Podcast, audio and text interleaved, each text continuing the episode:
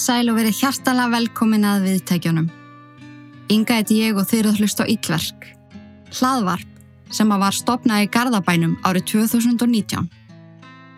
Þessi þáttur er í bóði 6 langtímalegu og mun ég að sjálfsögðu segja ykkur frá því frábæra fyrirtæki þegar að líður á þáttin. Ég vil svo endilega fá að benda ykkur á Íllverk áskrifstaliðina. En fyrir þá sem að ekki vita er að skrá sig áskrift fyrir 950 krónur á mánuði. Og með því fáið aðganga yfir 110 aukaþáttum, 5 glæn nýja í hverju mánuði og þessa fríu vikulugu án auðlisinga. Kynnið ykkur endilega málið inn á itverk.is. En hvað segið annars? Það er klárlega voru loftinu, ég er að segja ykkur það. En ég fór út með hundi minn á þann og ég fann svona hvernig allt er að vakna og fugglarnir eru farinir að garga í öllum trjám og ég er að elska það. Þetta gerir ekkit eðlilega mikið fyrir mann og maður svona áttar sig ekki á því hversu þung áhrif þetta eilífa miskur og kuldi hefur á mann. En ég verð samt að viðkynna að ég hló mögulega smá sjálfur mér í gær þegar að ég fór að skoða garðhúsgögn á svaletna mínar. Það má ángriðs ekki koma plústala á hitamælinn þá maður komin í svona gýr við það að rýfa fram stuppböksunar og ekka úr sandalana. En ég vona að þið hafið það gott og síðan að fara vel með ykkur því að það skiptir svo ótrúlega miklu máli. Ég má til með að vara við innihaldi þáttaræns. Í ljósi umræðinar sem að hefur verið um ofbeldi í nánum samböndum og bara ofbeldi yfir höfuð síðustu misseri þá gæti þessi þáttur haft stuðandi áhrif. Maður vill auðvitað aldrei koma neinum í uppnám, en staðrendin er svo að allstæðar í heiminum búa þólendur ofbeldis. Sögur þeirra eru þarna og mér þykir alltaf svo mikilvægt að segja frá þeim. Ég fyllir stolt yfir því hversu margir hafa opnað sig og sagt sínar sögur og að umræðan sé mun opnari. Það er ekki lægi, undir nokkrum kringumstæðum, að vera beittur ofbeldi, hvorki líkamlegu nýja andlegu. Ef að það leikur grunur á ofbeldi í kringum þig, ekki standa hjá. Og ef að þú ert að upplifa ofbeldi af ykkuru tægi, segðu þá frá. Þú átt þetta ekki skilið. Þú átt bara skilið það allra besta og aldrei gleima því. En talandu um að umræðans í orðin opnari og fleiri stíga fram og segja sögu sína, þá eru ekki allir sem að geta það því að þeir eru hreinlega ekki lengur á meðalvor til þess. Þessir einstaklingar þurfa að treysta á okkur til þess að miðla sögu þeirra áfram og vonandi verður hún til þess að líf ykkurs annars sé borgið. Við skulum fara allaleg til Ástralíu og fara yfir sögu upp fulla af sjúkri stjórnsemi og mestu sveikum sem hægt er að ímynda sér. The Glennis Hayward Case. Gjöru þið svo vel.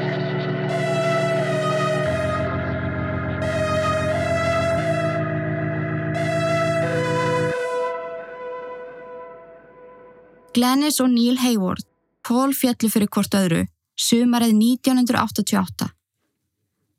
Þau áttuðu sér strax á því hversu margt þau áttu sameinlegt en bæði ólustu upp í sveitinni og voru fóreldra þeirra að begja bændur.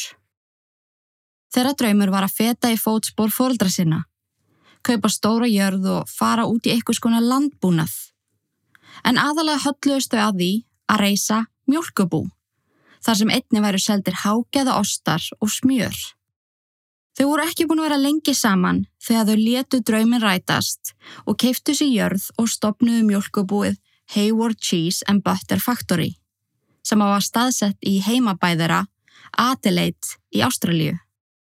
Þau eignuðust saman drengina Thomas og Edward og virtist fjölskyldan plumma sig ansi vel. En það sem að enginn vissi var að frá fyrsta degi fór Níl markvist í það að fá Glennis á sitt band. Hann vildi hafa hann að háða sér. En þeir sem að þekktu Glennis vel segja að það að vera háð ykkur um sé algjörlega anstæðan við hennar persónuleika. Alla hennar æfi var hún ótrúlega sjálfstæð, samkvæm sjálfur sér og vissi hvað hún vildi. Persónu enginni sem að hafa öllum líkindum ógna nýl. Þetta byrjaði rólega með aðtóasemdum sem að hún eða fjölskyldumælimir pikkuðu ekki dendilega upp, ekki fyrir neftir á, eins og til dæmis. Þú ert að gera svo góða hluti eftir að við byrjum saman.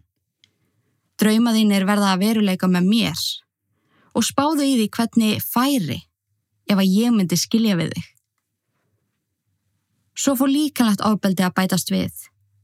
Líkt og með það andlega, þá byrjaði hann rólega. Ítti létti hana hér og þar, reyfi hárið á henni og sagðist þú vera grínast og kristi viljandi höndin á henni allt og fast þegar þau voru að leiðast.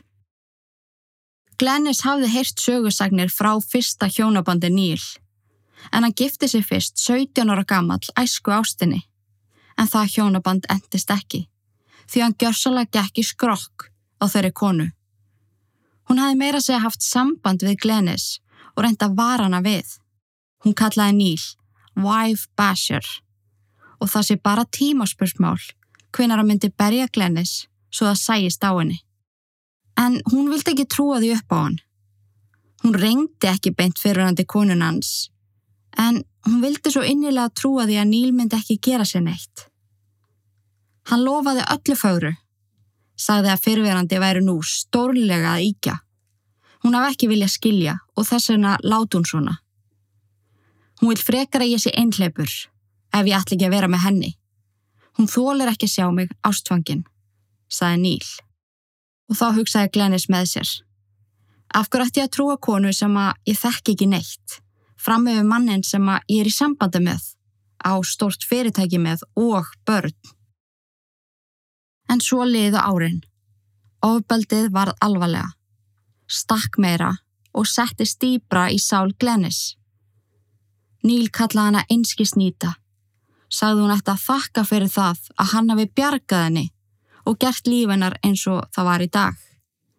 En mjölkubúi gekk alveg verulega vel og þau voru með ansi stórar fjárhæðir á milli handana.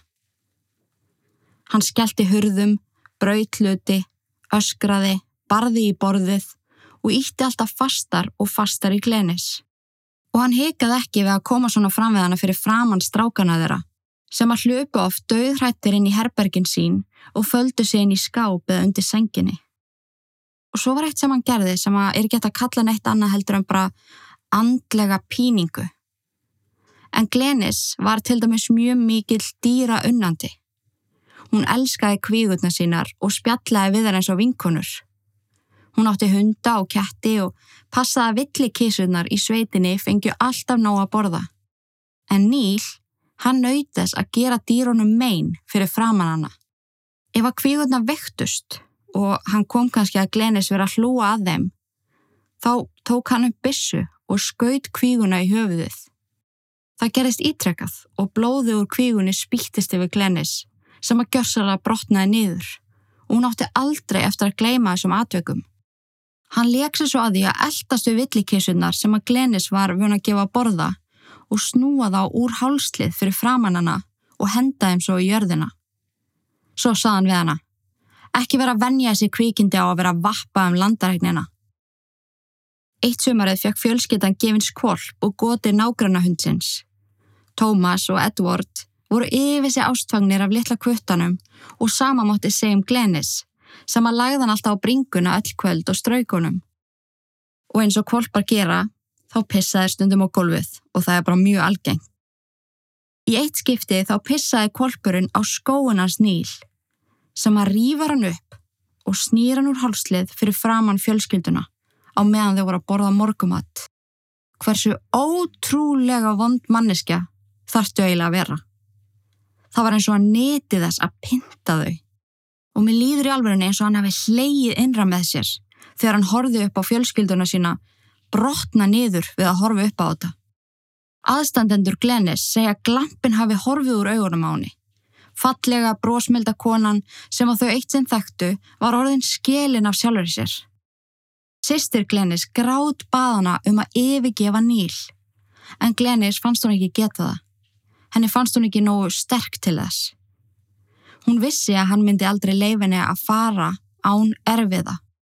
Það myndi alltaf fylgja því eitthvað skona hryllingur sem að hún var einfalda ekki tilbúin að takast á við.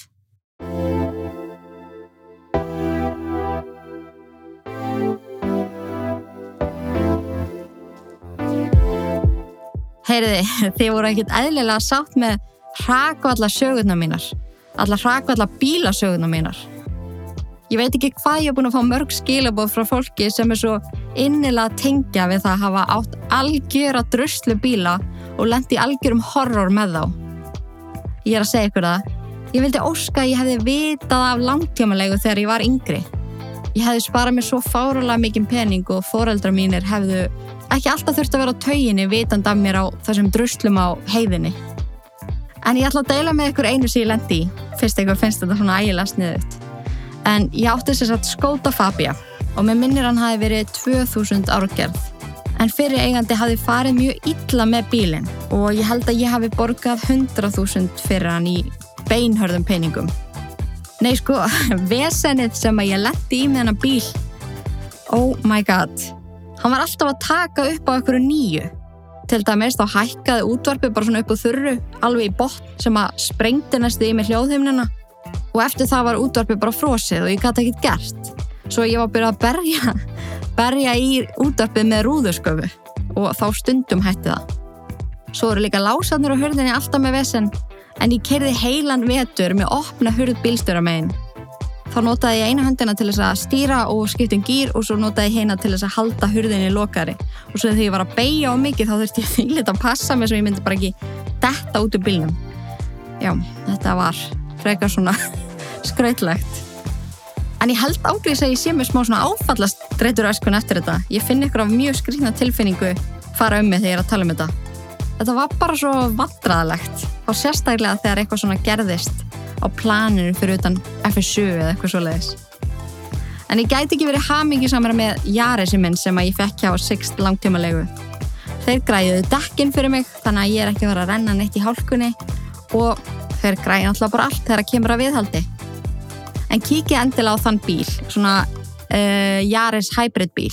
Hann er ekkit eðlilega þægilegur, ótrúlega þægilegur að snattast á en ég er svona mest megnis að snattast. Ég mæli alveg eindrið með því að þið skoða hann ef þið eru að kíkja á bíla. En ég vil líka minna ykkur á kóðan Ítverk sem að gefur ykkur auka 250 km í mánuði þegar þið leið bíl hjá Sixt langtímalegu. Sixt langtímalega. Hagkvæmari kostur og aldrei neinn vandraðlega vesen. Takk og bless. Velkomin tilbaka. Glenis let sér hafa nær daglegt, andlegt og mjög alvarlegt líkamlegt ofbeldi í 22 ár. Þánga til, einn daginn, að þá gat hún ekki meira. Hún gata ekki einn dag í viðbútt undir sama þaki og þetta skrimsli. En þegar hún rætti við nána fjölskyldu meðlemi og vini um Níl, þá kalla hún hann This Monster. Hún sagði bestu vinkonu sinni Mary Johnson að það væri núna eða aldrei. Því ef hún letið þetta viðgangast mikið lengur, þá ætti hann eftir að drepa hana. Níl hafði svo oft barið hana það illa að hún þurfti að fara á bráðamóttökuna og ljúa einhverju sögu um hvað kom fyrir hana. Og svo montaði hann sig af þessu. Ég let kettlinguna heyra það, þú rýfar ekkit kæftu mig og svo hlóan, ógeðslegum og yllum hlátri. Eins og þetta væri allt saman rosa fyndið og hann væri svaka kall. Hann batt hana líka ítreka við stól og skipaði hann að setja þar allan daginn. Svo þegar að honum hendaði kom hann og sló hana í andlitið, barði í hársurinn á henni með kreftum núa og sparkaði í sköplungun á henni. Hún hótaði því líka ef hún heldi áfram að væla í vinkonu sínum eða færi frá honum og tæki strákana með sér sem að var eitthvað sem að hún hefði ítrekað sagst alltaf að gera, þá myndi hann stút henni og hann færi létt með það. Í loka ársins 2006 þá nýtti Glennis tækifærið á meðan Níl og strákarnir voru í burtu. Hún pakkaði tösku og fór. Hún flutti í smábæin Akaisa sem er í rúmlega tvekja klukkustund af fjarlað frá fyrrum heimileganar. Hún fekk vinnu á Akaisa Downs kúabúinu þar sem hún fekk starfið að mjölka kýr alla modna. Hún var svo lofindi hrætt um að Níl kemi og næði í hana og hún laug til um hvað hún hétt og sagði þeim sem hún vann hjá og vann með að hún ætti ekki í síma, þannig að hún ætti þess að ekki neitt númer. Hún vildi gjörsala vera off the grid. Hún var svo alltaf með töskuna sína tilbúna í bylnum ef að skekkinni að Níl kæmi að leita af henni, svo hún geti flúið eins fljóttu hún geti. Í gegnum fólki sem hún vann hjá þá kynntist hún manni sem heiti Chris. Fyrsta kvöldi sem þau hittust þá sátuðu saman og spjöldluðu til klokkan 5 um nóttuna. Gleni sagði vingunni sinni dæin eftir að hún hafi aldrei upplifað annað eins.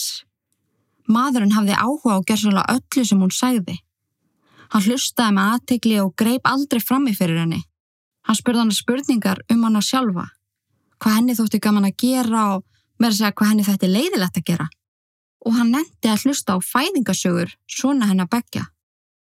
Og Glennis opnaði sig um fyrrum hjónaband sitt og sagði hann frá þessum 22 árum af skjálfilegu ofbeldi. Chris hafði samband við hana strax daginn eftir og spurði hvort hún væri til að fara með sér út að borða. Og auðvitað saði Glennis já. Það var ekki aftur snúið með þau tvö. Glennis var 53 ára gömul og Chris sagði að hún væri fallegasta stelpa sem að hann hefði nokkuð tjóman kynst. Chris var 60 og Glennis fannst hann myndalegasti og mest sjarmennandi strákur sem að hún hefði kynst. En vinið er að segja frá því setna mér að þau kölluðu hvort annað alltaf strákur og stelpa líkt og þau væru ástfangnir úrlingar.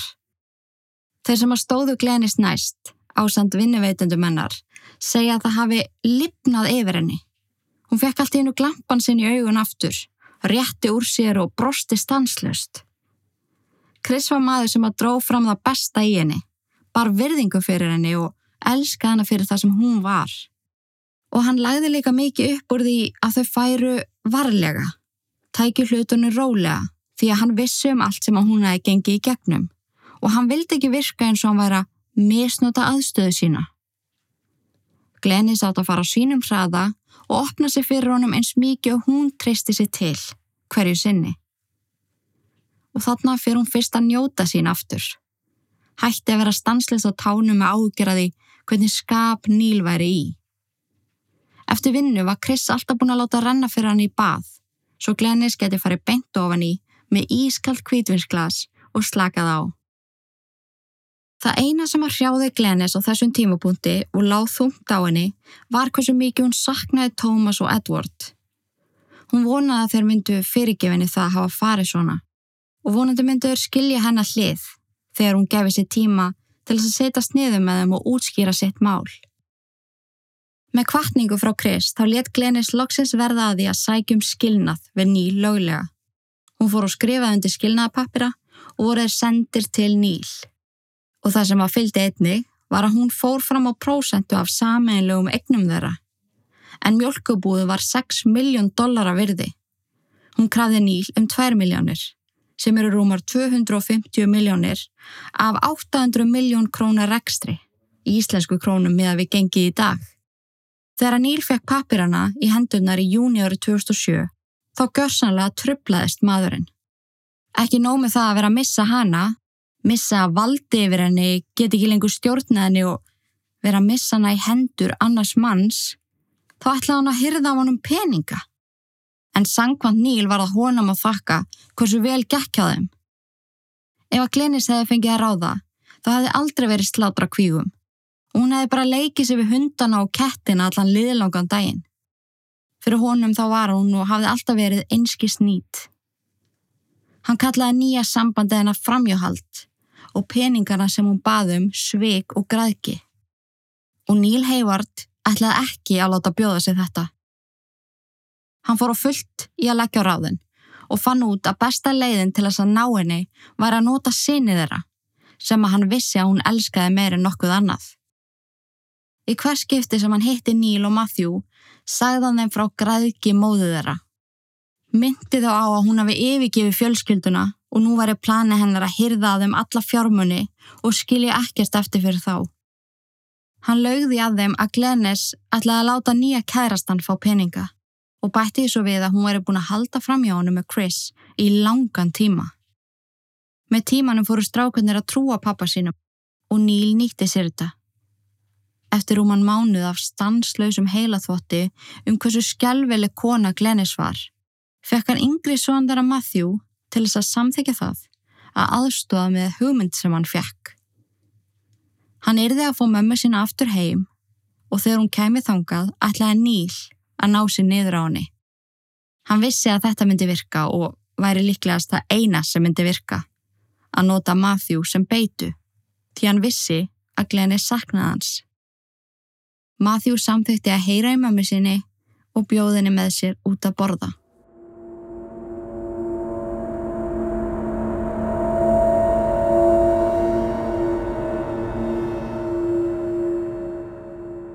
23. júni árið 2007 þá kvatti Glennis Chris sem að sagðist elskana meira en nokkuð annað og hún ætti að njóta sín með sinni sínum.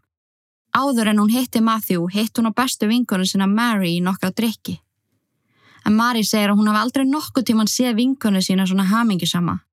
Glennis sagði við hana, bara Mary, Chris sagðist elska mig áður en ég fór? Níl sagði það bókstala aldrei við mig í þessi 22 ár sem við vorum saman. Hún var svo spennt að hitta Matthew og henni leiði eins og allt væri loksins að ganga upp. Hún geti verið í góðu og heilbröðu sambandi og átt gott samband við sinni sína. Klukkan 5 þá skilja leiðir vinkvennana, en það sést til þeirra í örgismyndavölum fyrir utan staðin sem að þeir sátu á, nokkru mínútum fyrir 5. Þær faðmast og ganga svo í sikkur áttina þar sem að bílar þeirra voru lagðir sikkur megin á bílastæðinu. Glenis fer svo hittir Matthew á veitingastað. Hún var svo ánað að sjá hann. Hún býður honum allt sem honum listi og skálaði svo við hann í kvítvinni, sem að var hennar allra uppbólstrykkur. Sankant öllum sem að sáu til þeirra á veitingastæðnum, þá virkaði allt mjög öðlilegt.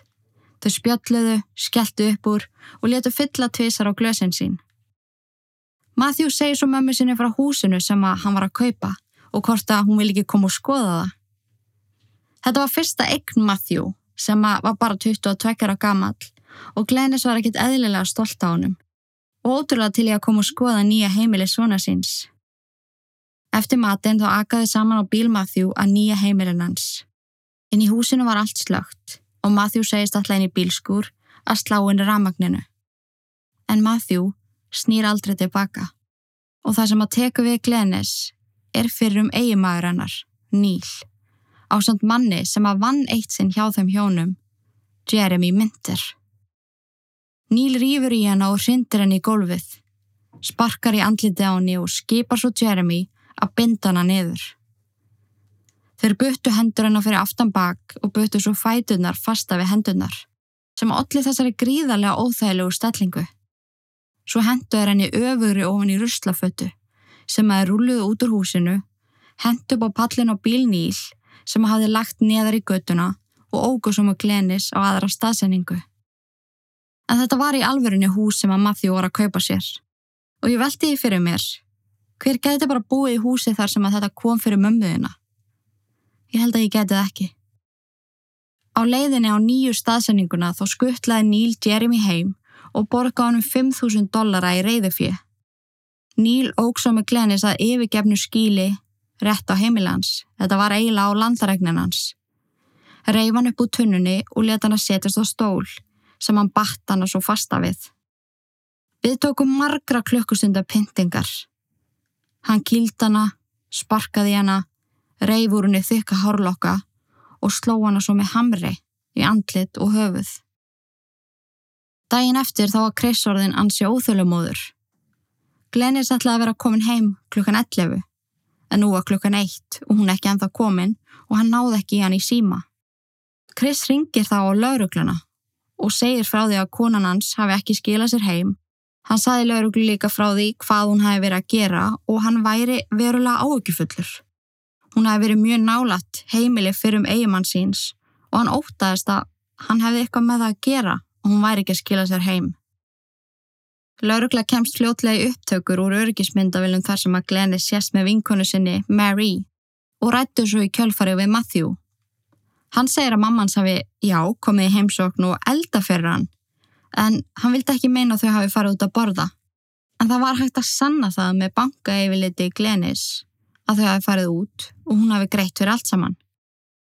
Hann segir að hún hafi svo fengið dölafullt símtall á meðan þau borðuðu. Glenis átti að hafa sagt sinni sínum að þetta væri vinur hennar, sem ætlaði að koma á sækjana klukkan hálf tíu og saman ætlaði þau í smá ferðalag til Melbourne yfir helgina. Skrítið ykkur hafi ætlaði að sækjana þar sem að hún var á bíl. Og bílinn hennar líka finnst fyrir utan veitingastæðin sem að þau borðuði á og inn í honum voru allar hennar eigur. Það sem að hún passaði að hafa alltaf í bylnum ef skekkinni að Níl leitaði hann uppi.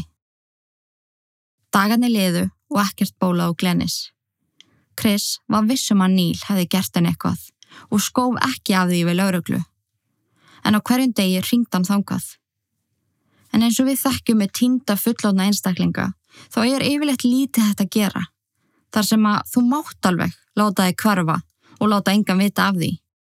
Og ef það er ekkert glæpsamlegt í staðar, til dæmis ógnandi skilabóð, blóðiða lík, þá er aldrei áætlað að manneskja sé látin. Það eina sem að lauruglega gert fyrir Chris var að lofa honum að það erði fylst vel með bæði Neil og Matthew. Ef þau svo lítið sem virt ekki umferðaskildur, er það tækifæri nýtt til þess að ræða betur við þá. Annars var því meður lítið eftir að gera. Það stoppaði samt Chris ekki með að fara með málið í blöðin. Hann vildi vekja aðtegla á þessu og setja mynd af Glennis fyrir framann augun og almenning ef einhver skildi hafa séðana. Hann kefti stóra fórsögufrétt viku eftir viku þar sem hann spyr almenning. Hefur þú séð Glennis? Glennis hefði verið tínd í þrjá mánuði þegar laurugla fekk loksins tækifæri á því að gera eitthvað. Og þetta tækifæri kom inn á bar í miðbænum. Jeremy Minto sat á barnum, heldrukkin og deildiði með barþjóninum og öllum þeim sem að vildu heyra að hann hafi hjálpað til við að drepa týndu konuna, Glennis, og hann ætti að fá frítt áfengi út á það. Barþjónin sem var vel kunnu um málunu og hafði séð fórsjöðan á blaðinu Marksinnis ringdi strax í laurugluna og sagði að sæti maður fyrir framannan sem að hjælti fram að hann hafa orðið Glennis að bana. Nokkru mínútum síðar var laurugla mætt á svæðið og fóruði með Jeremy upp á lauruglustöð. Þar tók við þryggja klukkustunda yfirhersla.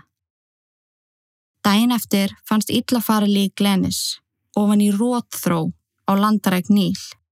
Á landarækninni sem að þau hafði einu sinni átt saman og alveg börnin sín upp á. Jeremy og Matthew voru báðir handteknir fyrir aðildi morðin á Glennis. En sangkvæmt Jeremy var það hlutverk Matthew að lokkana til þeirra. Þegar Níl vissi hversu mikið Glennis elskaðan og treyst honum. Plani hefði í raun aldrei gengið upp án hans. En Níl hefði sagt sinni sínum að ef að þeir gerði ekki eitthvað, þá myndi hún hyrða af þeim alla peninga og hann myndi þá ekki erfa neitt eftir andlátt þeirra. Um leið og Glennis var komin á áfangastað sem var nýja heimili sonarinnar, tóku Níl og Jeremy á mótenni og þá let Matthew sig hverfa. Jeremy segist ekki að teki þátt í morðinu sjálfu en hann hafi hjálpað til við að festa hana niður, pintana og sé hann hjálpa til með að koma líkinu fyrir ofan í rótróni. En hann hjálpaði við það tveim dögum eftir að þeir rendinni. Svo Níl hefur öllum líkindum pintan í þess að tvo sólarhinga, þángu til hún lést. Níl létt sig hverfa þegar hann komst að því að lauruglan væri á eftir honum. En hann hafði samt samband við dagblöð og deildi með bladamönnum að dauði Glennis hafi verið sjálfsvík. Hún hafi alltaf verið mjög þunglind og eftir að þau skildu hafi þunglindi orðið mjög slæmt. Svo daginn eftir að handtöku heimild Níl fjagst, byrstist risastór greiðum Glennis. This was a suicide, says ex-husband. En Níl var horfin og enginn vissi hvað hann var. Það var leitað hans í marga daga og það var gefið út að laurugla væru á eftir honum og fólk ætti að hafa varan á því hann var talin hættulegur og mögulega vopnaður. Og það var ekki fyrir en maður sem að bjó í bæ 80 km frá heimileg Níl, ringir á laurugluna og segir að það sé eitthvað fluttur inn í hús sem að hafi staðið aukt mánuðin saman í göttunans. Húnu síndist hann hafa séð eldri manni í glukkanum, en var þó ekki viss, en vildi að laurugla aðtugaði málið. Laurugla fer að þessu tiltakna húsi og þeir sjá Níl kíkja út um glukkan, sem var svo fljótur að láta sig hverfa inn í húsið og hann neytaði að koma út. Eftir sjö klukkutíma var ákveða laurugla færi inn í húsið og það fyrsta sem að tekur á mótið þeim er resastór blóðpollur. En Níl hafði stungi sjálfa sig ítrekkað um allan líkamann og lág meðvitundarlaus á gulfinu. Hann var fluttur í flíti á spítala og hlúða djúpum stungusárunum. Eftir nokkra daga var hann komin í stabilt ástand og hann var þá færður í fangaklefa þar til að réttahöldans hófust. En það var aldrei hægt að dæma hann fyrir morði á fyrrum eiginkonu sinni, Glennis, því hann fannst látin eitt morgunin í klefanu sínum, búin að hengja sig með fangelsisbúningnum sínum. Bæði Jeremy og Matthew fengu báðir 15 ár fyrir að aðstofa við morði á Glennis. Matthew fyrir að lokka mömmu sína að dauðanum og Jeremy fyrir að aðstofa Neil. Matthew sínir aldrei neina eftir sjá, en Jeremy, sem að var ekki bundin Glennis fjölskyldutengslum, grét yfir því sem hann hafi gert og lofaði því að nota tíma sinn í fangelsi í að verða betri maður.